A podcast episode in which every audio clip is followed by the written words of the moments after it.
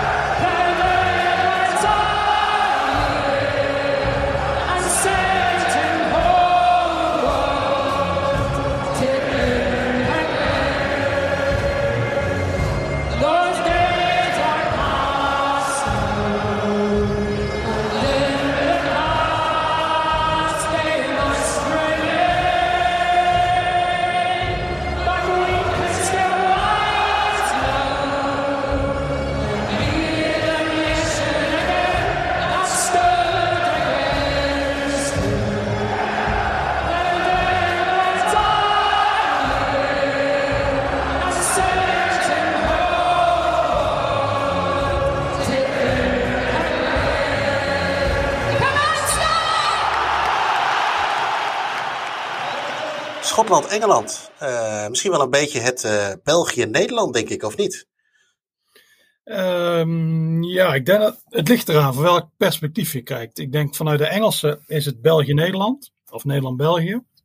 Ja. En vanuit de Schotten is het Nederland-Duitsland. Ja, oké, te op die fiets. vergelijken, Ja. hey, en ehm, ja, goed, jij, eh, jij woont in Schotland. Hoe leeft het een beetje, deze wedstrijd nu al? Eh, ja, ja, het EK leeft heel erg. Iedereen had er eigenlijk over, over waar ik kwam. Daar ging het alleen maar over het EK. Ze waren vrij optimistisch, wat opvallend is. Want Schotland heeft nog nooit een groepfase overleefd. Niet op een WK of een EK. Maar nu waren ze er toch wel van overtuigd. Zo van, ja, we winnen van Tsjechië en dan hebben we nog een punt nodig. Nou, van Tsjechië Ja. is verloren. Dus dit is eigenlijk de laatste kans. Ja, En eh, ja, en Engeland is nu. eh, Engeland heeft een vrij sterk team op dit moment. Tegen eh, Kroatië gezien. Dus, Ja. dus eh, ja, het optimisme is nu wel wat weg. Dus, eh, ze hebben, de, ze hebben natuurlijk nog een kleine escape, is dat ze, als ze, eh, ze kunnen een goede derde worden. Hè? Er vallen Ja. gelukkig maar acht, of in hun geval dan maar acht teams af. Dus dan hebben ze eventueel nog wel een kans.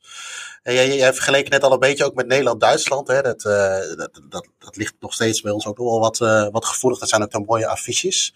Eh, wat, is de, wat is eigenlijk de geschiedenis eh, eh, tussen Schotland en Engeland? Dat gaat natuurlijk al redelijk ver terug. Ik moet meteen denken aan William Wallace, maar eh, gaat het zo Ja. ver terug? Ja, daar het eigenlijk begonnen. het, eh, Engeland is, ze zijn qua oppervlakte niet eens, verschilt het niet zoveel. Engeland is iets groter, maar Schotland heeft, is ook enorm. Alleen er wonen bijna, er wonen bijna geen mensen. Veel schapen. Eh, ja, veel schapen en heel veel lege gebieden. En Dat komt ook mede door de Engelsen. Dus eh, die hebben heel veel van die gebieden gewoon, ja, eigenlijk een genocide is het. Die hebben ervoor gezorgd dat er hongersnood kwam. En eh, dat die mensen werden verplicht om of te verhuizen naar eh, Amerika en zo, of eh wijlen te gaan. Ja. Dus, eh, dus daar gaat het al een beetje naar terug. Je hebt, ze zijn sinds de 18e eeuw wel een unie. Dus samen, dus officieel is het Verenigd Koninkrijk en geen losse landen. Maar ja, Engeland, Schotland heeft wel een eigen appartement. of parlement, appartement. dat zou heel weinig zijn. Maar nee, dat soort dingen. Dus ja, het voelt wel aan als aparte landen, vind ik. En eh, ja, je ziet natuurlijk altijd heel veel Schotse vlaggen. Ik, ik denk dat je hier meer Schotse vlaggen ziet dan in Nederland Nederlandse vlaggen. Ja. Ik ook al vaak dat je rechtsgekkie bent. Dus, ja. maar eh, nee, er is ook wel een soort trots. En eh, ja, dat komt mede met het eigen... Als ze Olympische Spelen doen, gaan ze als Groot-Brittannië. Ja. En ehm, als ze dan, eh, ja, net als nu met voetbal, dan is het wel echt een apart land. Dus dat leeft ook wel. Het is ook heel lang geweest. Zij de, wat ik dan hoor van de vorige generatie, nu leeft een beetje dat onafhankelijkheidsgevoel. Ik denk dat de helft zou onafhankelijk willen worden en de andere helft niet.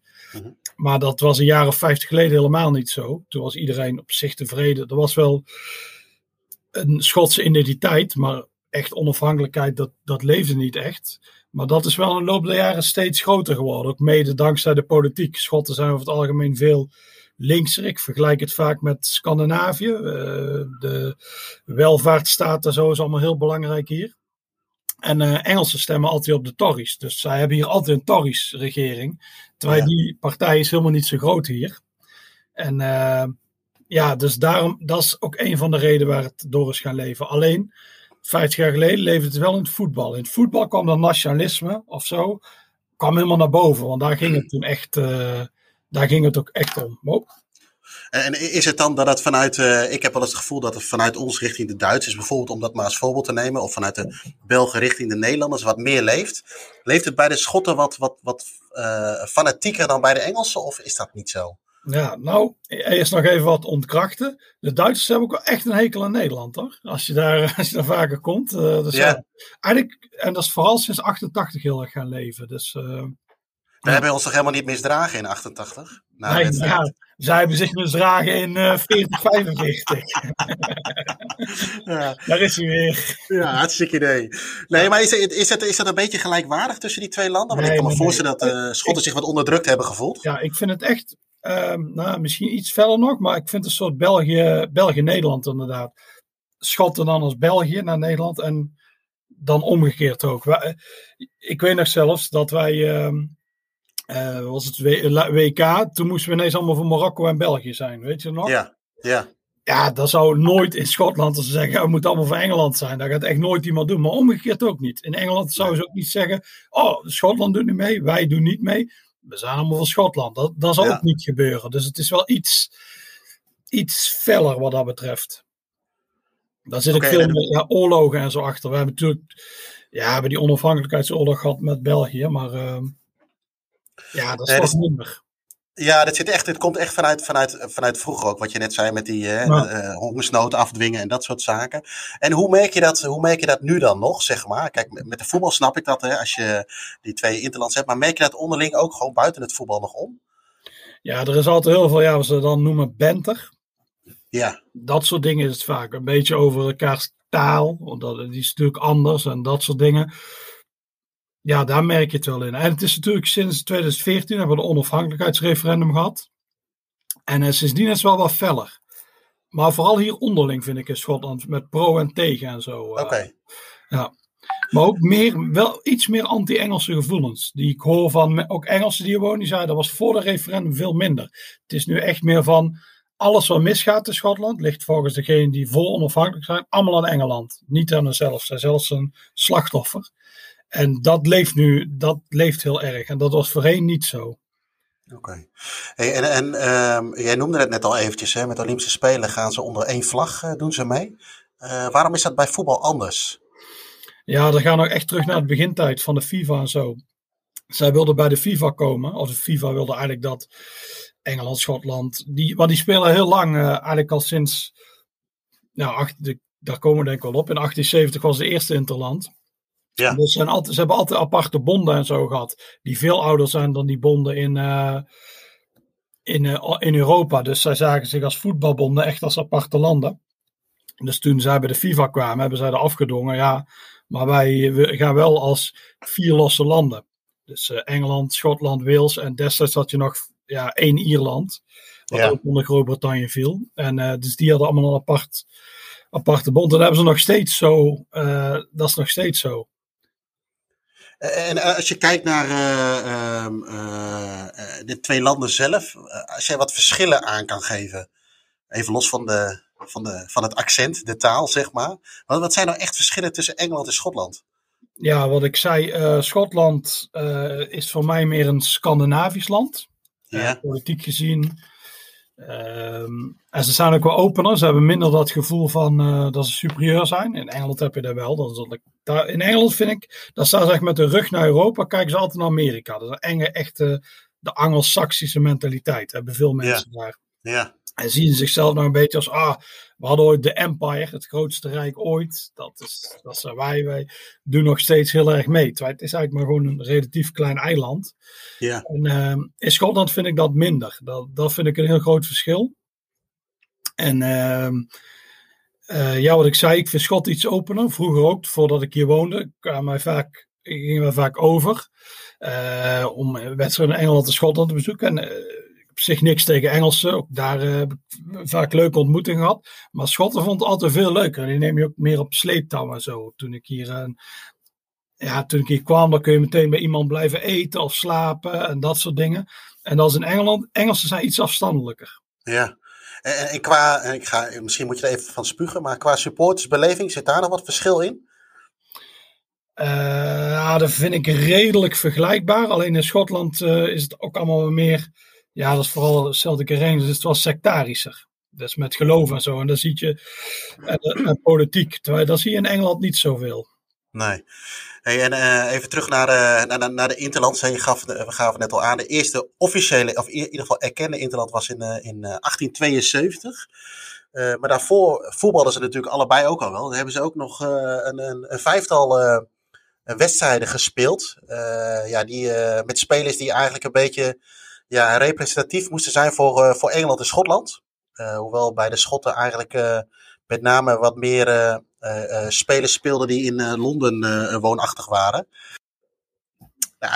Die, wedstrijden die, die werden georganiseerd door ene Charles W. Alcock, om maar even een naam te gebruiken. En nou ja, goed, het was nog niet, wat ik zei al, de, de, de, de erkende eerste interland. Maar hoe, hoe zat dat toen precies? Je had eh, wel twee bonden in Engeland en Schotland. En Ja. eh, hoe moet ik dat zien? Nou, die Elkok is trouwens een held. Want die heeft ook de FA Cup eh, verzonnen. Ja, daarmee. Dus dat is echt wel een eh, soort legende. En die dacht, hey, laten we ook een keer. het was in beide landen populair. En hij dacht, oh, laten we een keer een interland spelen. Alleen het was wel. eigenlijk, het was eigenlijk meer een Londense interland. Dus Engelsen uit Londen tegen Schotten uit Londen. Dus Ja. daarom zijn die eerste vijf interlands nooit, eh, nooit erkend. oké. En er werd gespeeld op de Oval in Londen? Ja. Ja, die Elkok was eh, ook van de cricketclub. Oké, En eh, dat is een heel groot cricketstadion, ligt er nog steeds. En, Ja. Dus daar had hij contacten. Hij was geloof ik secretaris ook van die cricketclub. Dus eh, daarom konden ze daar spelen. Dat is ook mede de reden waarom al die eerste FA Cups finales daar ook zijn gespeeld. Omdat hij daar wel dingen kon hosselen. Ja, en, uiteindelijk na een, een, een, eh, een, eh, een vijf wedstrijden werd, eh, ja, was er ook wat meer eh, eh, interesse vanuit, eh, vanuit Schotland zelf, eh, heb ik gelezen. En toen kwam eigenlijk wel een beetje zo van, nou, weet je, laten we maar eens een keer een team naar Schotland toesturen. En dat is uiteindelijk eh, eh, een beetje erkend dan als eerste interland tussen, tussen Schotland en Engeland, of niet? Die in 18, eh, november 1872. Dat is, eh, dat is de eerste echte interland. Toen, eh, inderdaad, toen zijn de Engelsen naar Schotland gegaan. En Schotland eh, speelde toen met Schotten uit Schotland. Ja, dat was allemaal Queen's Park op dat moment. Ja, En ehm, ja, die wedstrijd is eh, ook op het cricketstadion, Hamilton Crescent. Ik ben daar wel eens naartoe gegaan, wordt nog steeds gecricket. Hij is niet echt, de, de Oval is echt een stadion. Maar Hamilton. Crescent, dat is echt gewoon meer een cricketpitch. Dat is wel afgesloten en zo. Alleen niet met grote tribunes en zo. Dus uh, op zich wel leuk om daar een keer te gaan kijken. En uh, daar is die eerste Interland gespeeld en die werd 0-0. Dus ja, een soort Argentijnse vinktrip. Ja, want wat zei die, uh, zoals de Oval en, en uh, Hamilton Crescent, dat, is, uh, nog, ja, dat wordt nu gewoon nog steeds gebruikt. Maar wordt er nog wel eens gevoetbald voor, voor als je een keer wil kijken? Want dat is natuurlijk het mooiste. Nou, toevallig werd er in de, op de Oval, werd in uh, 2012, omdat het 140 jaar geleden was, dat de FA Cup finale daar voor het eerst werd gespeeld, is daar toen eigenlijk een rematch gedaan. Ook weer tussen de Wanderers en de Royal Engineers, die toen in de finale stonden. Ja. Het werd midweeks gespeeld, dus, uh, maar ik moest daarheen. Dus ik ben naar Londen gereden die woensdag. ja. Gespijbeld van werk. En uh, toen heb ik die wedstrijd gezien. Dat was wel uh, mooi. Daar had eigenlijk weinig rugbaarheid aan gegeven, want het was niet eens zo heel vol daar. Het was een bijzondere wedstrijd. En de oudste FA Cup die nog bestaat, niet die van toen, want die is omgesmolten door iemand. Ja. Die ja. daarop, die was in handen van David Gold van West Ham. Ja. En die had hem ook speciaal voor die wedstrijd meegenomen. En de aanvoerder mocht hem uiteraard mijn handschoentjes, die mocht hem eh, eh, vasthouden. Weet je trouwens in wiens handen die FA Cup nu is? Want hij qua, pe- eh, qua persoon bedoel je? Ja. Nee, ja, ik, kan heel, ik kan iedereen opgenoemen. Nee, maar ik heb geen idee. Ja, Sheikh Mansour, die van City. Oh, Dat was Ja, altijd tuurlijk. echt City koop prijzen. Toen hebben ze gewoon Ja. letterlijk een prijs gekocht. Dat was echt schitterend. Iedereen weer over de zeik. Ja, die eerste wedstrijd was was 0-0. Eh, we komen straks nog even terug op wat, eh, ja, wat memorabele wedstrijden. Eh, wat ik al zei, is ze hebben elkaar eh, tot nu toe eh, eh, 114 keer eh, ontmoet. En eh, ik, ik had een beetje in mijn hoofd zitten van dat Engeland daar toch een beetje de overhand in zou hebben qua overwinningen. Eh, als je even kijkt naar de 114 interlands, is, eh, zijn er wat, ja, zeker in het begin veel vriendschappelijke duels geweest. Weinig 0-0's overigens. Als ik kijk naar de eerste 12 wedstrijden die allemaal vriendschappelijk waren, zijn uitslagen als 5-4, 1-6. 5-1 of een 7-2 zijn eh, zeker geen uitzondering. Dus er werd, eh, werd eh, veel gescoord of slecht verdedigd. Of misschien een, of een go- goed gespeeld. Een combinatie daarvan. Ehm, maar uiteindelijk is het maar van die 114 is het 48 keer winst voor Engeland. En 41 keer winst voor Schotland. Dus dat is best wel, best wel gelijkwaardig. Is, is het Ja. een beetje een onterecht beeld wat ik heb over Engeland-Schotland? Eh, ja, ze zijn natuurlijk in het begin. Schotland was eh, zeker in het begin. Die, hadden, die speelden een ander type voetbal. In Engeland was het gewoon dribbelen totdat je de bal kwijtraakte. En Schotland was de eerste, eigenlijk Queen's Park, die voetbalclub, die was Ja. de eerste die de passing game deed. Dus dat was heel lastig voor, eh, als je daar niet gewend was. Dus al die voetballers die hadden een goede balcontrole. Dus in het begin zie je ook zoveel schotten continu naar Engeland gaan. Dus Engeland werd al betaald en beter betaald. En eh, Ja. eigenlijk ieder team, dat Preston North End, die eerste Invincibles, die eh, zat Ja. ik helemaal vol met schotten. En eh dat zag je eigenlijk overal. Omdat die eigenlijk beter waren met de bal. dus in het begin was Schotland ook echt niet minder dan Engeland in, tijdens die interlands.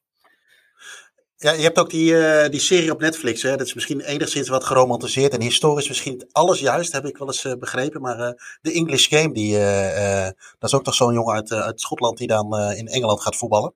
Ja, En ook dat verschil maakt in en die spelen ook dat inderdaad dat dribbelen. ja. Ja, klopt. Ja, maar dat, dat is wel redelijk accuraat. Want zo speelden die Schotten. Die Schotten waren veel kleiner. Of nog steeds Ja. zijn veel kleiner dan Engelsen. En zeker tegen die eh ja, kostschooljongens. Die waren veel groter. Want die hadden goede voeding en zo. Terwijl Schotland is een enorm working class land altijd geweest. Mhm. Ja. En, eh, dus die waren veel kleiner. Dus die moest op een andere manier die Engelsen verslaan. Dus daarom paste die altijd. En hij heeft dat toen een beetje. En met Darwin, waar hij ging spelen, heeft hij dat ook geïntroduceerd. Want die spelers, dat waren ook allemaal van eh textielarbeiders en zo. Dus die waren ook kleiner dan die kostschooljongens. Dat hebben ze zo. Ja. Op deze manier konden ze er tegenop. Alleen uiteindelijk hebben ze het financieel moeten afleggen. Omdat je heel de. Die kostschooljongens hadden die regels zo gemaakt. dat ze continu naar Londen moesten reizen. En dat was niet meer te betalen. Dus op een Nee. gegeven moment moesten ze wel eens afzeggen en zo. Maar eh. Valt daar nog wat van te, van, van te zien? Of heb je dat wel eens nagejaagd? Zeg maar dat begin van dat, eh, ja, waar we het nu een beetje over hebben. Zoals Darwin en, en Blackburn. Ben je daar, ja, Blackburn ben je natuurlijk wel eens geweest. Maar heb je ook specifieke dingen daar wel eens van opgezocht of naartoe gegaan? Ja, ik heb, ze, ik heb een boek hier over eh, Darwin. Over dat ze inderdaad die jaren eens. Dat was het team wat die kostschooljongens ging, eh ja, ging verslaan. Eigenlijk heeft Darwin ervoor gezorgd dat we profvoetbal kregen. Ja, Want zij, eh, zij lieten zien, hey, we kunnen wel van ze winnen. Of we kunnen in ieder geval tegen ze gelijk spelen. Maar ze versloegen ook wel eens. Hè? Ze versloegen Ja. ook wel eens echt die kostschoolteams.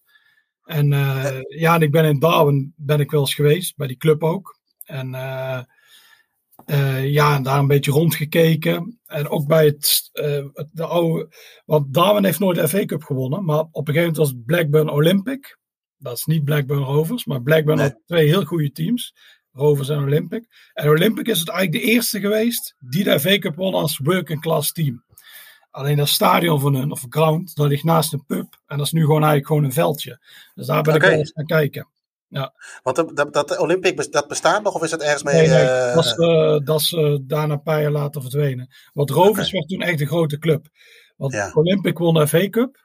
En het jaar daarvoor stond Rovers in de finale, alleen die verloren. Die hadden toen toevallig die Fergus Sutter van Darwin overgenomen. Ja. En daarna won Blackburn Rovers hem drie keer op rij. En toen kwam profvoetbal en daar zat bij die eerste twaalf clubs zat Blackburn Rovers. Dus Blackburn Olympic is gewoon helemaal verdwenen. Alleen Ja. die speelde naast die pub en dat, dat veld is er nog. Er is eigenlijk niet zoveel te zien. Eigenlijk moet je daar zo'n blauw plakkaat op hangen. ja, dat hebben ze niet gedaan dus nog. Nee, nee, nee, dat is heel Oh. gek. Maar eh, ja, Oh. Oké. Hey, en eh, na die, eh, ja, die twaalf vriendschappelijke interlands, om maar zo te zeggen, die grotendeels in Glasgow en in Londen werd, werden gespeeld. eentje overigens ook nog in, in Sheffield. Ja, kwam de geboorte van de British Home Championship. Eh, daar hebben ze eh 89 keer tegen elkaar gespeeld. Eh, wat, wat was dat? Of ja, ik zeg was, want het toernooi wordt inmiddels niet meer gespeeld sinds eh 83, 84. Eh, heeft eh eh 100 jaar geduurd, dat toernooi.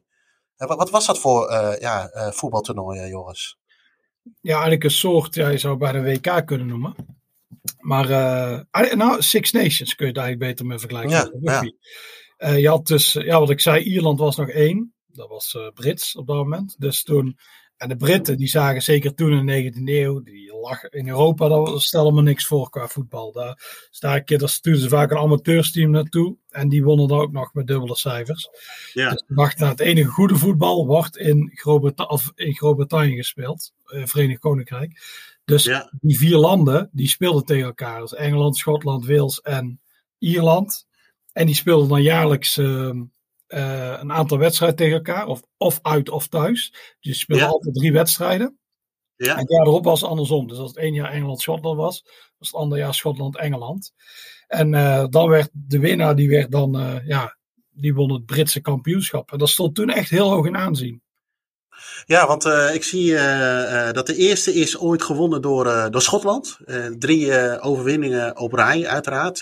waar Engeland, Wales en Ierland daarna volgden. En de laatste uit in, eh in 84 is, is gewonnen door, door Noord-Ierland. En die hebben, die, denk ik, die, ik zit even naar die beker te kijken. Maar dat is ook wel weer een, weer een pareltje, zeg maar. Is die beker nog ergens een keer te zien of zo in een museum, wat jij weet?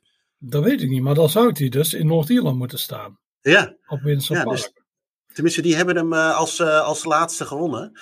Hey, en, eh, want dat, ja, het, ja, inderdaad, eigenlijk een soort Six Nations of vier landen toernooi. Ehm, maar uiteindelijk is dat opgehouden, weet je. Wa- waarom is dat gestopt? Want eigenlijk is dat wel, ja, het is toch, toch wel gaaf dat je elk jaar tegen je grote rivaal speelt. Of ja, voor, voor Engeland en Schotland dan, maar dat geldt natuurlijk voor die andere landen ook. Dat je zo'n toernooi hebt. Ja, het is gewoon, eh, die voetbalkalender werd steeds voller. Met WK's en EK's, kwalificatiewedstrijden, oefenwedstrijden. En eh, hooliganisme was ook wel een probleem in die jaren. Dus er was eh, zoveel klepperij altijd. Ja. Die wedstrijden. Dus ja, Dat werd wat minder interessant, zeg maar, om dat te doen. Ja, omdat er gewoon continu dat, hooligans en zo waren. Dus, maar ook mede wat ik zei, een WK en EK, lange tijd. Ja, die Engelsen die deden niet eens mee aan de WK's. Dat, eh, pas na de Tweede Wereldoorlog dachten die Britten, nou, we gaan eens kijken wat dat is. Want eh, wij zijn toch de beste van de wereld, dacht Engeland. Ja, En ehm, ja, toen deze WK verloren ze van eh, de Verenigde Staten. Dus dat bleek toch wel tegen te vallen. Maar ja. maar ze hebben ook heel lang die Home Championship gebruikt als kwalificatiepool. Ja Dus in het begin zie je heel vaak maar één land van die landen op het WK gaan, omdat het daar wordt bepaald. Ja. Dus hoeven ze Ja, eigenlijk kwalificatiewedstrijden te spelen, maar ze, ze hebben altijd die bijzondere rol gehad in, eh, bij de FIFA. En er is wel eens, eh, volgens mij, ik las ook ergens een artikel dat er nog wel eens over nagedacht sinds het nieuwe Wembley er is. Of ja, goed, het nieuwe Wembley is er al een tijdje. Om dat weer terug te brengen, maar dat is niet echt van de grond gekomen. Nee, de En- kalender zit gewoon echt te vol. Er Ja. zijn zoveel dingen En- en nu gaan we naar, eh, ja, weet ik, nu heb je de Nations League en dat soort dingen. Het kan gewoon niet terugkomen. Dat is, het zit gewoon te vol. Nee, klopt. En, en eh, in 1985 kwam er nog wel een nieuwe beker. eh, eh, ter vervanging van een soort van, van die eh, eh, Home Championship. Dat was de Rouse Cup. Eh, maar dat was alleen tussen Engeland en Schotland. En eh, eh, vanaf 85 en sinds 87 kwam er ook een, eh, een, een derde land bij uit Zuid-Amerika. Eh, wat, wat, wat was dat voor beker dan? De, de Rouse Cup? Ja, ja, ja, dat heb jij eigenlijk al gezegd. Het is een soort voort, borduring van de Home Championship. Dat ze toch nog die wedstrijden tegen elkaar hadden. Ja, Eh, wel mooi random dat ze toen een Zuid-Amerikaans team erbij deden. Maar eh, ja, ook, had ook geen lang leven uiteindelijk. eh, Nee, eh, nee. Een jaar of vier. En eh, in 2011 hebben ze ook nog weer een keer een vierlandentoernooi in leven geroepen. Daar wilden ze ook een tweejaarlijks iets van maken. waar Engeland overigens wel voor uitgenodigd was, maar niet aan meedeed. En dus Ierland mee mocht doen. Maar dat hebben ze één jaar gespeeld. En ook bij die editie is het, is het gebleven. Waar, omdat er volgens mij ook de belangstelling ook wat, ja daar kwam geen hond op af. En, en dan verwacht je Ierland, Noord-Ierland is een mooie. Maar toen gingen die Noord-Ieren, die gingen die wedstrijd boycotten. Vanwege, eh, als je in Noord-Ierland bent geboren, kun je kiezen of je voor of Noord-Ierland speelt of Ierland. Dus heel veel Ja. van katholieken komaf, die Ja. kozen voor Ierland. Jeugdspelers. En dat was een beetje de reden om het te boycotten van de Noord-Ierse fans. Dus ja, dus, daarom was er ook niks. Dus dat had natuurlijk de wedstrijd moeten worden. En zonder Engeland, dan mis je wel iets. Want Engeland is van ze allemaal toch wel de rivaal. Ja, En als die er niet bij zijn, ja, dat is meteen eh, minder. Ja, dat is de spanning er ook een beetje af. En eh, over, eh, over eh, eh, spelers die mogen kiezen tussen aanhalingstekens. We hebben natuurlijk ook nog wel veel Schotten die buiten Schotland geboren zijn. Dan is het dus eigenlijk zo van als jouw moeder of vader toch Schots is geweest, dan kun jij gewoon voor Schotland uitkomen. Eh, ja, ja, ja, dat is eigenlijk overal. Hè. Kijk maar in Ja. Nederland. De meesten die in Nederland, Nederlands geboren met Marokkaanse ouders kiezen voor Marokko. En zo kan Ja. dat ook in, eh, in Schotland en zo. Die McTominay is ook eh, van Man United. Die is ook gewoon in Ja. Engeland geboren. Alleen heeft een Schotse vader. Dus die dacht, ja, Engeland, dat, daar ga ik niet voor spelen. Dus eh dan kies ik voor eh, Schotland. En ook, eh, Sportieve redenen of eh, eh, eh, eh, emotie, denk je? Ik denk in dit geval meer sportieve redenen. Je hebt bijvoorbeeld die eh, Tierney van Arsenal. Die is op eh, Man geboren. Als je op Man bent geboren, net zoals de Kanaaleilanden, dan mag je ook kiezen. Want die hebben natuurlijk geen nationaal team. Je hebt uh, Letitia en Le, die kozen destijds voor Engeland. Maar die had ook voor Schotland en zo moeten. Ik heb wel eens gehoord dat met je Letitia, die dacht eigenlijk shit, ik had eigenlijk voor Schotland moeten kiezen. Want daar had ik, in Engeland werden toen technische spelers totaal niet gewaardeerd. Die heeft ook weinig Nee. in het land gespeeld. Maar die Tierney, die, die is wel uit de jeugd van Celtic. En die had wel echt iets met Schotland. Dus daarom heeft hij voor Schotland gekozen. Maar die had ook voor Engeland, Noord-Ierland of Wales kunnen kiezen. Dan, dan mag je zelf kiezen. Dat hebben die hier ook gedaan. Hè? Daarom is Jack Charlton. Die heeft zijn eigen, waren allemaal, allemaal Engelsen die speelden. Die John Aldridge, die praat gewoon plat skous. En die zat daar Ja, in, ja. in de Ierse elftal. En eh Kes Grino, dat was, dat was niet eens een Ier. Alleen die zei, ja, volgens mij, is mijn, eh, voor mij zijn mijn officiële ouders Ieren. En ben ik geadopteerd. maar die was, was gewoon helemaal niet Iers. En zo had je heel veel van die spelers. Maar daardoor hebben ze wel succes gehaald. Ja, Dus, ja, ja. eens. Ja. Hey, en nog, nog iets anders geks is, eh is eh, Berwick Rangers. hè. We hebben het volgens mij al wel eens eerder genoemd. Eh eh Berwick ligt in Engeland. Ja. Maar speelt voor de Schotse competitie. Zo zeg ik het goed, hè? Hoe, eh, hoe, hoe, hoe, eh, hoe kijkt zo'n plaats, of oh ja, is het een, het is een stad of een dorp, eh, naar Engeland-Schotland? Hoe, hoe leeft dat? Of hoe Eh, werkt dat? Ja, het is een beetje, maar Berk is het heel gek als die tegen Engelse clubs spelen. Het is gewoon een Engelse stad. Maar als die tegen Engelse clubs spelen, oefenwedstrijden en zo, dan doen ze zich altijd heel Schots voor. Om anderen op te naaien. En als ze tegen Schotse clubs willen in een competitie, dan nemen ze vaak Engelse vlaggen en zo mee om de boel op te naaien. Dus eh, ja, Ze kiezen gewoon van alles het goede, zeg maar, om op te ja, naaien. maar het is een heel gekke stad. Als ik dat gevoel heb, heb ik nog steeds het gevoel, ik ga er toevallig zo meteen naartoe. Ja, Eh, en eh, ja, dan heb ik toch het gevoel dat ik nog steeds in Schotland ben, maar je bent in Engeland. Alleen hen- is het handiger qua locatie. Het is zo noordelijk, want dat is altijd een beetje de grens geweest. Je had de rivier de Tweed. Het heet ook Berwick upon Tweed. Het heeft heel lang bij Schotland gehoord, maar het is altijd zo'n stad die op en neer. Dus dan was het weer Engels, dan was het Schots, dan was het Engels, dan Schots. Dus het heeft heel lang ook een status aparte gehad. Eh, je had de Krimoorlog. En toen werd de oorlog verklaard aan de Krim door, eh, ik geloof, Groot-Brittannië, Ierland en Berwick upon Tweed. En die kunnen niet veel steden zeggen, zeg maar. Nee, die werden apart genoemd. En toen bij het Vredesverdrag, dat is ook mooi, toen was Barack Obama tweet werd vergeten. Dus officieel zijn die nog steeds heel lang in oorlog geweest met Russisch, eh, met Rusland. Maar ja, dat was dus niet zo. Dat wisten de Russen zelf ook niet meer, zeg maar. Nee, nee, nee, nee. En- wat zou er voor hun nu eh, leven? Schotland of Engeland, denk je? Eh, ja, het zijn Engelsen. Dus ik denk dat ze, er zullen wel wat Schotten wonen. Maar de meerderheid zal wel voor Engeland zijn. Ik zal direct wel even kijken wat voor vlag ik zie hangen. Dus, Ja. Hey, en als we kijken naar eh, eh, ja, wat historische affiches, hè, die zijn er natuurlijk zeker als je eh, 114 keer tegen elkaar speelt. Ehm, ik, eh, eh, we komen straks op een paar eh, wat, wat eh, of, uitgebreid op terug. Maar eh, bijvoorbeeld in 1928 eh, won eh, Schotland met eh 1-5 op, eh, op Wembley. Eh, en ze, dat is het team wat ook wel eh, de bijnaam heeft gekregen, de Wembley Wizards. Eh 1955 wonnen de Engelsen met, eh, met 7-2. Eh, onder andere door vier goals van Dennis Wilshaw, eh, wellicht eh, bekend. Eh 1961 werd het, eh, is de, eh, ja, de grootste uitslag ooit behaald tussen de twee landen. Dat werd eh 9-3. En eh, onder andere door eh, goals van eh, eh, Bobby Robson, eh, Jimmy Greaves en Johnny Haynes.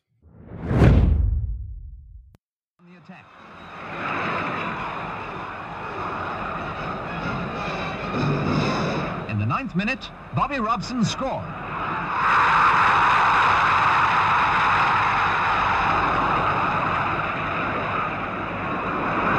Yes, an early shock for the visitors, and England maintaining pressure. Then, after 10 minutes, Jimmy Greaves put England two up.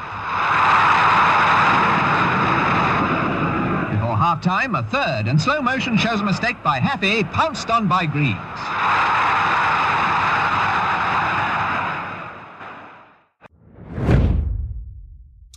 Eh, nou ja, we hebben natuurlijk nog een. eh, wat, ik, wat ik ook wel een mooi verhaal was, vond, was eh, het debuut van Steve Bull. Toen de tijd spelend voor, voor Wolves, voor Wolverhampton. Speelde toen in ieder geval niet op het hoogste niveau, wat ik begreep. Mocht invallen en zoals een jongensdroom natuurlijk hoort, is, maakte hij de tweede goal bij de 2-0 winst van, van Engeland. Ik zit even te denken, hebben we dat in Nederland was gehad? Iemand uit, uit, niet uit de Eredivisie, uit de Eerste Divisie of zo, die debuteert. Of heeft gedebuteerd. Kan het eigenlijk niet mooie, heugen, mooie quizvraag. Mooie quizvraag voor de volgende keer. Ja. Eh, ja, in, de- in 2000 hebben ze ook eh, tegen elkaar gespeeld voor, eh, eh, voor de play-offs, voor het EK in, in Nederland en België. Eh, Engeland en Schotland tegen elkaar. Engeland won dat uiteindelijk eh, met, eh, met 2-1 over twee duels. Eh, en ze hebben zich eigenlijk, eh, dat vond ik ook wel apart, in, in die 114 keer zijn ze elkaar maar één keer tegengekomen op een, eh, op een eindronde. En eh, in dit geval een EK-eindronde. en dat was in, in 96, daar komen we zo nog even op terug. Maar ehm, eerst eh, willen we even naar 1967, eh, Joris. Engeland wereldkampioen in 66 op eigen grond. Met een eh, dubieuze goal ook. eh, eh, van, eh, van Jeff Hurst, denk ik. Hè? Gok ik eventjes. 19 duels ongeslagen. En eh, toen kwam eh, Schotland op bezoek. Ja, ja en eh, toen won Schotland met 3-2. Ja, ja. En eh, Jim Baxter, een van die eh, spelers, die hield de bal toen nog even hoog. Dus ja, Ja, een soort ja, Richard Witske. Alleen Baxter is natuurlijk een veel betere voetballer. En ja, om het nog even in te wrijven. Dus ja, dat heeft hij wel. En toen noemde zij zichzelf de onofficiële wereldkampioen. Want ze hadden Ja. wereldkampioen. En nu heeft iemand, heeft, ik weet niet of de site nog actief is, die heeft toen naar bijgehouden. Dus die heeft bijgehouden wie toen Schotland versloeg, was toen de onofficiële oh, wereldkampioen. oké. oké. En zo ging- Nederland is het ook een tijdje geweest. En zo gaat dat steeds, eh, ging dat steeds verder. Dus ja, Ja, een soort Helmond Cup, zeg maar. Zo'n idee, Helmond. eh, Ja, het is eigenlijk de Helmond. Cup. Ja, ja, ja. Want eh, eh, ik, ik zat van tevoren nog even die beelden te bekijken van eh, 67. Het is natuurlijk een heel ander type voetbal. Maar dat commentaar wat er ook bij die wedstrijd is, ook, is, ook, is ook prachtig. Baxter sticks out to drag it away. Nothing at all goes right for England now. John Gregg. Baxter. Billy Bremner. Finding Lennox. Bremner. Bremner. Baxter again. Baxter's come in and out of this game, always been dangerous. Tommy Gemmell, Scotland slowing it down. Taking the mickey out of this England side. Ehm, tien jaar later kwamen de, waren de Schotten weer op bezoek op, eh, op Wembley in eh, 1977. Eh, ook een memorabel duel. Ja, want eh, Ja, toen eh, kwam er een eh, legendarische pitch invasion door de schot. Ja. En eh, die ging even, dat is echt nog de tijd van eh, ja, het hooliganisme en zo. Dat is, eh, die schot ook, nou denk ik, ah, dat zijn gasten in een kilt en een doedelzak en zo. Maar toen waren er echt heel veel klepperaars. Ja. En die waren heel lang heel te suipen. En eh, die namen ook altijd heel veel man mee. Dus die zaten daar op Wembley met 20, 30.000 man. Dus eh, en toen dachten die, nou, ze hadden gewonnen, we gaan ze even het veld op. En eh, de boel hier slopen. Toen werd het, het doel gesloopt en zo. En ja, als je de verhalen moet geloven. Iedereen kent wel iemand die daar op het veld stond. En een stuk van de, die doelpaal mee heeft. Dus ja, Ja, want je hebt het in die tijd natuurlijk ook over eh, ja, Hampden Park, Wembley, waar natuurlijk enorm veel toeschouwers Ja. bij konden zijn. Ja, en als je die beelden ook bekijkt, als je ziet wat er op die, op die tribunes zat en wat er allemaal op het veld zit, dat is echt niet normaal. Het is niet even 100 man wat het veld op kwam, zeg maar. nee, nee, echt gewoon, eh, ja, ja, echt heel veel. Dat ze met, Eh, zoveel, eh, met tienduizenden daar waren, ja, dan... eh,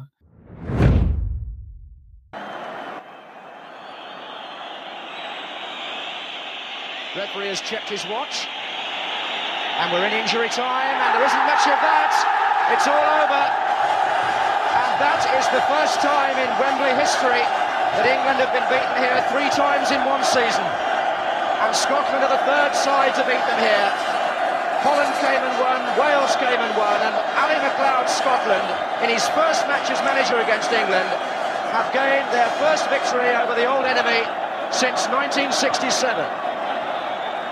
A 10 year wait it's been. They invaded the pitch 10 years ago, and they're here again. The Wembley fence is not yet up, so the fans have come over the barriers. England's players walking sadly away. And the Scots, who, let's be fair, thoroughly deserved the win. A late penalty perhaps making the scoreline more respectable for England, who had their best spell in the second half. But Scotland with a goal just before half time. And an important second one from Dalglish. Have won the home international championship outright in Bruce Rioch's first season as captain.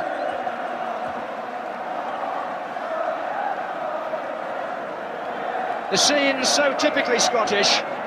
This biannual pilgrimage hasn't been a happy one over the last few years, but there's certainly going to be some celebrations tonight.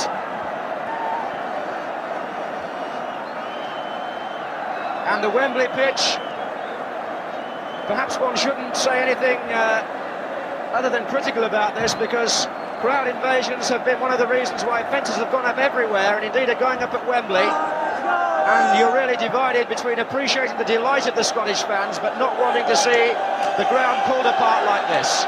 They've even knocked the goals down and broken the crossbar.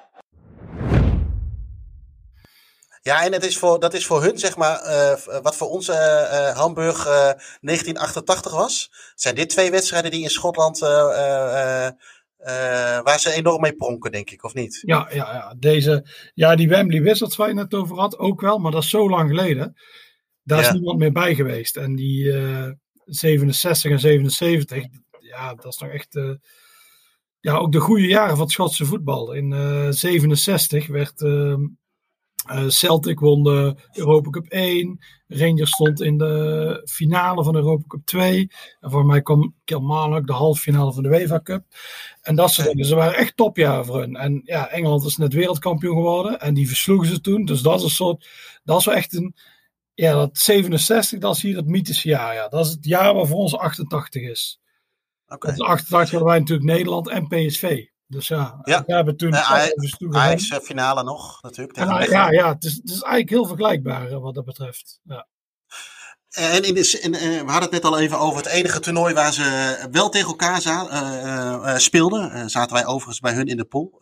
waar we even een, een, eh, een cakeje kregen met 4-1 op Wembley van Engeland. Dankzij jouw Kluivert zijn we. Ja, dat shirt, dat, dat, dat wil ik eigenlijk nog een keer hebben, als het kan. Dat uitshirt met Kluivert erop, als Ja, dat ja, kan. dat is, eh, Eh, maar dat is, dat, dat is beroemd om een eh, nou ja, aantal dingen. Ik denk eh, het moment eh, eh, wat ik eh, eh, sowieso van het toernooi ken, is natuurlijk die volksliederen die daar gespeeld werden. Overigens over volksliederen gesproken, Joris. Heb je eh, eh, eh, Flower of Scotland, is, eh, is dat nou het officiële volkslied van Schotland? nou, officieel is het Niet, dus, eh, God Save the Queen. Ja. Maar als jij moest Ja, kiezen tussen Flower of. Scotland... Ja, eh, eh, Flower of Scotland of God Save the Queen. Wat heeft jouw voorkeur? Nou, ik vind Flower of Scotland wel mooi. Ik vind God Save the Queen heeft ook wel iets, alleen dan gaat het wat trager. En ik vind qua Ja. tekst ook Flower of Scotland toch wel mooier. Het mooie is, eh Liechtenstein, die eh, hebben ook God Save, eh, die hebben geen God Save the Queen, maar die hebben dezelfde melodie. Die hadden geen volkslied. Ik dacht, zo, we gaan daar jatten. Dus het Liechtenstein, Schotland, Oh ja? Schotland, Liechtenstein en die Schotten, die wisten dat niet. Dus die horen ineens God Save the Queen. Dus die gaan allemaal aan het fluiten, die ze- maar dan gaat het dus over de Rijn en dat soort dingen. En die hebben dezelfde melodie. Oké, Dat, die zijn heel creatief geweest dus in de jaren dat dat ja, die zo woep, de jatten we even. Maar, Maar eh, 1996 natuurlijk, eh, eh, ja, volgens mij wel een, eh, een, in die zin een mooi EK natuurlijk dat het in Engeland gespeeld werd. De Engelsen wonnen uiteindelijk met 2-0, maar er gebeurden wel een aantal opmerkelijke dingen, wat ik me in ieder geval kan herinneren. Eh, een van de mooiste doelpunten van het toernooi, de 2-0. ja, ja, ik denk samen met die van Poborski denk ik wel de mooiste. Ja, want kun je hem nog eens omschrijven, de, de, de, de, de, de 2-0, zoals jij hem hebt beleefd? Eh, ja, die bal, het is eigenlijk mooi. Eigenlijk moet ik nog een stukje terug.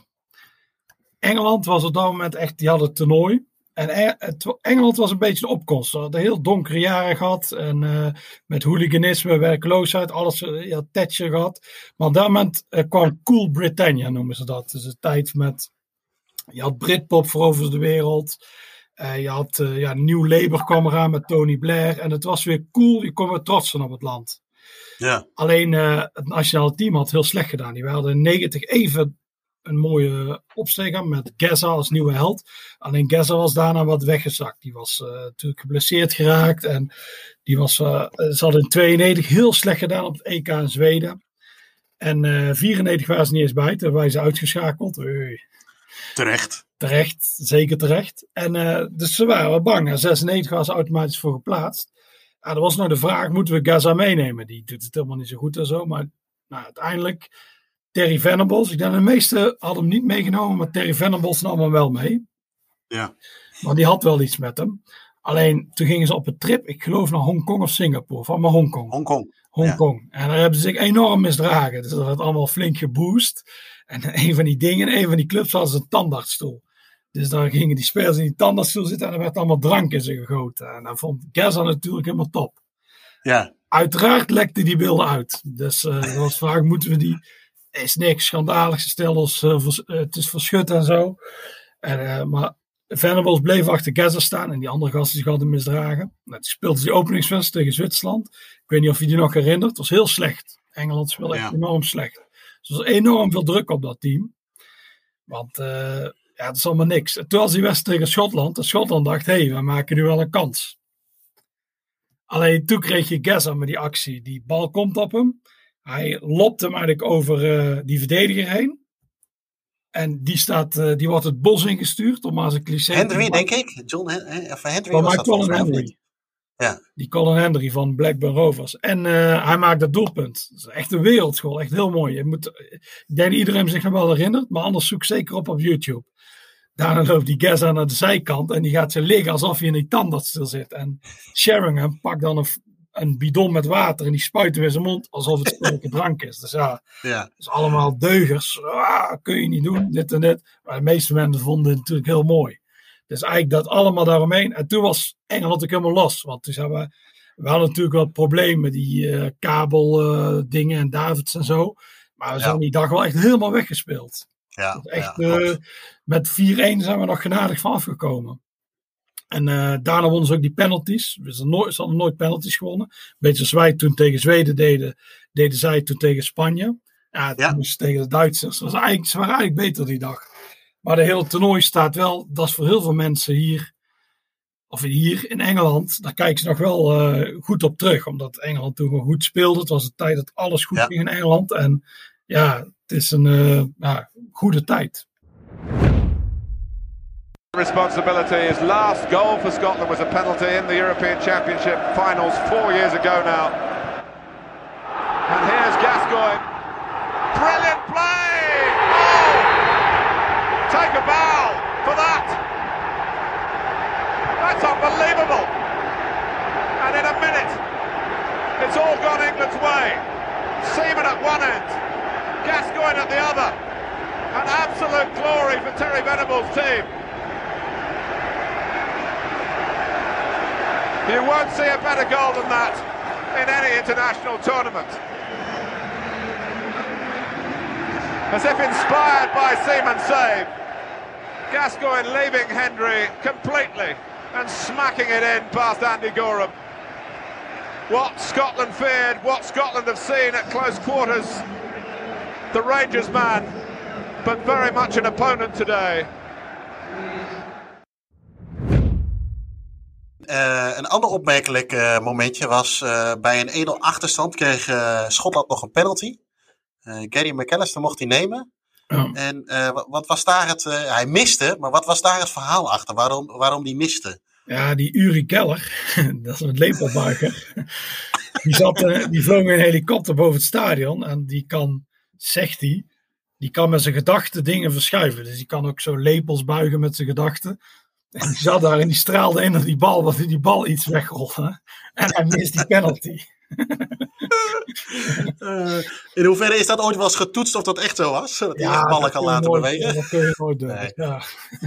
Maar dat maakte het natuurlijk wel, eh, dat maakte het natuurlijk wel fantastisch, zo'n verhaal. En zeker in Ja, al zo'n die, eh, ja, al die verhalen eromheen, die zijn altijd heel mooi. Zo, Uri Ja. Ook toen in Dead Final Day, die ineens bij Exeter opduikt. Die, die enge Michael Jackson uitnodigt, die wil, kinderen wil zien. Ja. Hey, en eh, nou ja, goed. Nu, de laatste wedstrijd die ze tegen elkaar gespeeld hebben was ja, bijna, wat ik zei, eh, bijna vier jaar geleden. Dat was een, eh, de kwalificatie voor, voor 2018 zaten ze bij elkaar eh, in de pool. Was 2-2. Eh, ook gespeeld in Glasgow. Ja, nu mogen ze dan weer, weer eindelijk tegen elkaar. Ook twee we heel, heel mooie doelpunten van Schotland, van Lee Griffiths. Twee Ja. ongeveer vergelijkbare vrije trappen. Het is echt zonde dat Lee Griffiths er niet bij is. Die heeft mentale problemen. Maar. Daarom is hij bij. Maar die had ik altijd meegenomen als een soort talisman. Want die kan ineens gekke dingen doen. Zeker met die grote selecties. Nu Ja. loopt daarvoor in. Bij Schotland, die Dykes. Ja, dat is, dat is, ja, die hebben wij ook in de eerste. Dat is Thomas Verheid. ja, Echt helemaal Ja. niks. En dan heb je die, of die Che Adams, vind ik ook niet zo geweldig. En neem dan een speler mee die iets geks kan doen. Desnoods zet je op 10 Ja. minuten erin. Dat is nog altijd die Noord-Ierland Wil Griggs erin moeten zetten. ja, ja, ja. Ik, ik, ik wou er net over beginnen inderdaad. Zo'n frustratie. Die, Ja, wat een lul. klote spitsen van Noord-Ierland kon er helemaal niks van. Dus het maakt niet uit wie er staat. En gooi hem erin om iets te forceren. En dan had hij eigenlijk ook dat Schotten met die Lee Griffiths moeten doen. Doe dan maar iets geks en zet hem erin. Hij, hij is natuurlijk, hij, zijn conditie is niet helemaal top op dit moment. Hij zit inderdaad, maar hij zat wel in het stadion eh, tegen Tsjechië. Dus zet hem maar gewoon in. Maar ja, dat is dan zo. Daarmee willen ze laten zien dat ze het dan serieus nemen. Of ik ben een serieuze Ja. coach. En ik doe dat niet, maar ik zou altijd een beetje zo'n gekke gasten meenemen. Ik zou bijvoorbeeld Nee, als, als Finse bondscoach had ik gewoon Liedmanen meegenomen. 100 procent. Ja, al is het alleen maar als nummer gewoon 26. Liedmanen Ja. Ja, dat Ja. is heel gek dit. Maar ja, En dan even in laten vallen, gewoon ook om, eh, om even eh, eh, voor, voor, voor, de, voor, voor de boeken, zeg maar, voor de geschiedenis. Nee, ja, had ik ook zeker Ja. gedaan. Dat had makkelijk gekund. Ja. Nee, nog even iets anders. Ehm, eh, we zijn allebei ook wel shirtjes liefhebbers, zeg maar. Als je moest kiezen tussen het, het tenue van Schotland of het tenue van Engeland. En dan thuis tenue, denk ik dan. Hè? Want uit hebben ze allemaal wel eh, varianten gehad. Zelfs Schotland volgens mij een roze variant. Maar eh, als je naar thuis Ja. tenue kijkt, heb je een voorkeur? Eh, ja, ik vind die van Schotland wel mooier. Dat, ik vind dat heel donkerblauw. Dat is wat typisch Schotse kleur. Heel veel clubs hebben het ook. Ja. Zoals Red Rovers, Dundee en ehm eh, Falkirk. Je hebt best veel clubs die die kleur hebben. Ik vind dat typisch Schotse kleur. Ik, vind dat, mooi- ik vond het vroeger ook altijd mooi. Dat donkere, dat heel donkere blauw, dat, eh, dat heeft wel iets. Ook met de witte broek eronder. Ja. Dat, ehm, ja. En Engeland, eh, is gewoon, Engeland is gewoon wit. Dat, dat Ja. heeft ook wel iets, maar dat vind ik minder eh, speciaal. Nou, en daarover gesproken, over die witte broek eronder. Eh, Tegenwoordig zie je ook al heel veel landen die gewoon in één kleur spelen. Hè? Engeland helemaal in het wit, Nederland helemaal in het oranje. Ja, en dat soort niks. ongein. Gisteren ook weer hè, bij Duitsland, Frankrijk. eh, ik snap eigenlijk niet zo goed. Ja, het zal met. ja, je- het is bijna een ouderwetse opmerking. Maar heeft dat met televisie te maken? Ja, maar wie heeft nog een zwart-wit televisie? Drie man. Ik, ik, ik, ik, vraag het me af en ik denk, nou, dat slaat eigenlijk helemaal nergens Nee, op. ik vind ook als voor de je- scheids misschien. Als je een zwart-wit televisie hebt, dan heb je gewoon maar pech een keer. dan Ja, moet je de eindelijk, spelers herkennen. Ja. Dit is sowieso kut om een zwart-wit televisie nu met dit weer buiten te zetten. Want dan moet je zo'n enorme bak oppakken en dan ga je door Ja. je rug. Dus gewoon een nieuwe televisie kopen. Ja, maar Hey, wat en, ik eh, denk, ik denk dat het allemaal iets commercieels heeft. ja, Dan dat zal je- het waarschijnlijk wel zijn. Dan zie je weer van die, van die ook Italië, waar dan in Italië speelt, maar dan officieel de uitclub of uitland is en weer het uitshirt Ja. dan moet hebben. Oh, dat is echt, Nee, heel eh, vermoeiend. nou, maar wat ik misschien wel snap, is eh, als je twee donkere kleuren hebt, bijvoorbeeld eh, ja, donkerblauw en ik veel donkerrood. Misschien als je Ja. eh, kleurenblind bent, dat, dat je dan niet goed, eh, niet goed kunt zien. Dus dat zal misschien de reden zijn. Ik denk dat er meer kleurenblinde mensen zijn dan zwart-wit televisies. Ja, ik kan me voorstellen dat oranje en rood uit elkaar halen best wel lastig, dat is lastig, inderdaad. ja, ja. Maar inderdaad, maar in sommige gevallen, ah, het ergste is dan speel zo in die verschrikkelijke Champions League en dan speel ze allebei in een uitshirt. Of één in een uitshirt, Ja. de ander in een derde shirt. Dan denk ze, ja, Ja, eh, hier moet er ja, gewoon een vlammenwerper op worden gezet. Hey, eh, om hem af te sluiten, Joris. eh, eh, je gaat uiteraard kijken. hè, eh, heb jij een voorkeur voor een van de twee? Ja, ik ben van Schotland. Dus, ja. Ja, anders word je thuis in elkaar geslagen. Of, Nee, nee, ik ben altijd van Schotland geweest in deze. Ik, ik op zich, ik heb niks tegen Engeland. Maar eh, ik ben altijd wel, ik vond altijd op eindtoernooi het mooi als bijvoorbeeld Schotland of Ierland of zo meedeed. Daar had ik wel sympathie voor. De underdog, zeg maar. Ja, Wales in iets mindere mate. Maar eh, ja, nu ga ik clichés zeggen. Nu word ik kapot gemaakt. Want die mag je niet meer leuk vinden. Maar ik vind die supporters leuk. En die volksliederen en zo. Dus eh, Is ook, dat is ook zo. Oké, en, en het- en trouwens, heb je er wel eens eentje meegemaakt? Dat heb ik helemaal niet gevraagd. En- ja, en, ik dacht eh, eh in slechte journalist. ik zal het eens even bij executionistas gaan zeggen. Wat voor journalist jij bent. ben je Eh, als bij een affiche geweest tussen die twee? Ja, bij, eh, in allebei de landen. Ik, ken, ehm, eh, in Schot, in, ik heb een keer in Engeland gezien. Die werd eh 3-2 Ja? voor Engeland. Ook, Ja? Heel veel Schotten waren daar. Ik denk ook 10.000 Ja? of zo. Ik zat wel bij de Engelsen in het, in het vak op dat moment. Ja? Ja, dat was iets. 3-2. Het was best een leuke wedstrijd en zo. Je zag overal die Schotten. Er waren ook maten vanuit Schotland en zo.